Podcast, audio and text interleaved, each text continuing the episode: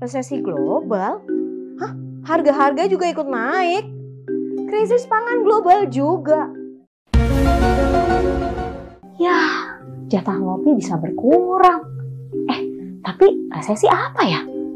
Resesi itu kan sebenarnya adalah sebuah permasalahan ekonomi yang menimpa secara umum, secara global gitu ya.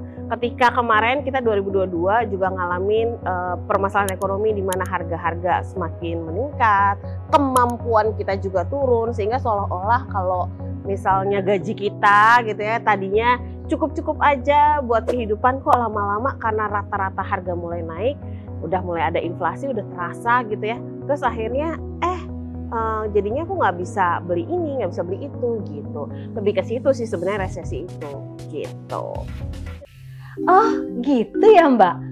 Terus kalau punya duit segini enaknya diapain? Buat saya po belum ngopi sih dari pagi. Lah lah lah lah.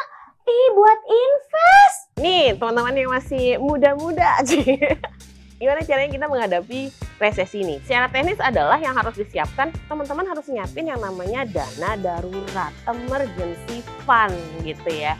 Dana yang sebenarnya hanya akan dikeluarkan ketika teman-teman tidak memiliki pendapatan lagi yang digunakan untuk kalau kita nggak punya pemasukan. Bukan kalau nggak punya sepatu baru, bukan kalau lagi pengen punya handphone baru, bukan. Jadi sebenarnya idealnya sih mungkin sekitar 4 sampai 12 kali dari pengeluaran bulanan.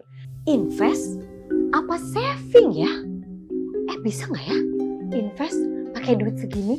Banyak kan ya uh, sebenarnya uh, yang justru berkata bahwa kalau misalnya saat-saat resesi, saat-saat krisis gitu, itu justru beli produk-produk investasi itu justru dalam kondisi yang murah investasi yang buat mencapai tujuan keuangannya teman-teman. Misalnya untuk mencapai tujuan dana pensiun, misal. Atau tujuannya adalah untuk beli rumah. Maka kalau kita punya goals-goals seperti itu, saran saya jalanin terus investasinya. Mau krisis kek, mau kagak kek, terus dijalanin. Yang kedua, investasi ini ada yang akhirnya buat teman-teman adalah untuk mencari cuan. Nah, kalau ini memang kategorinya teman-teman memang jadi investor beneran tuh. Artinya harus punya ilmu soal gimana caranya cari cuan di katakanlah di pasar modal atau di pasar uang. Uang-uang yang kayak gini nih harus uang yang memang siap-siap hilang. Dan kalau boleh saran lagi nih, sebenarnya kalau bisa uang yang siap-siap hilang ini adalah cukup 10% dari total asetnya teman-teman. Ruwet nih milih investasi apa ya yang cocok?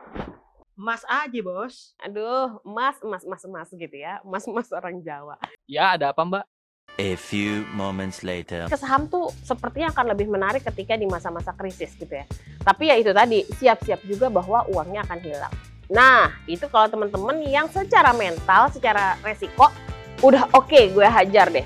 Tapi kalau misalnya, aduh mbak aku kicep kayaknya kalau misalnya uang hilang gitu ya 100% ya udah coba diversifikasi dengan instrumen investasi lain. Contoh reksadana. Atau misalnya teman-teman tetap pengen investasi tapi tidak mau ada kehilangan sama sekali gitu.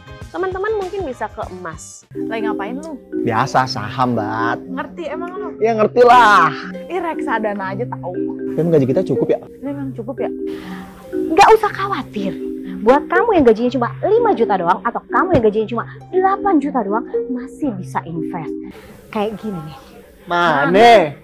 Dipersembahkan oleh Apakah tetap bisa berinvestasi? Tetap bisa. Tapi gini, teman-teman harus punya tadi yang namanya dana darurat satu ya. Terus yang kedua, teman-teman harus punya prioritas atau tujuan keuangan dulu yang prioritas ya. Dan yang ketiga adalah tolong saving sama investmentnya di awal. Tolong lihat polanya di bulan Januari, Februari, atau Maret. Tolong lihat.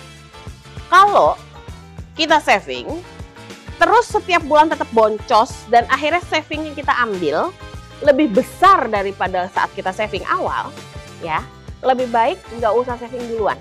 Belum lagi misalnya masih ada cicilan rumah yang secara bunga mungkin juga lebih meningkat gitu ya ketika resesi nanti. Jadi kita masuk ke dalam kategori yang realistis aja gitu ya. Kalau memang cuma bisa katakanlah gaji misalnya katakanlah 5 juta cuma bisa investasi 50 ribu 50 ribu kan berarti sekitar satu persen ya it's okay nggak masalah please banget selama resesi pun sebisa mungkin jangan nambah utang baru Dah, utang itu udah kalau pas resesi ya itu flag banget.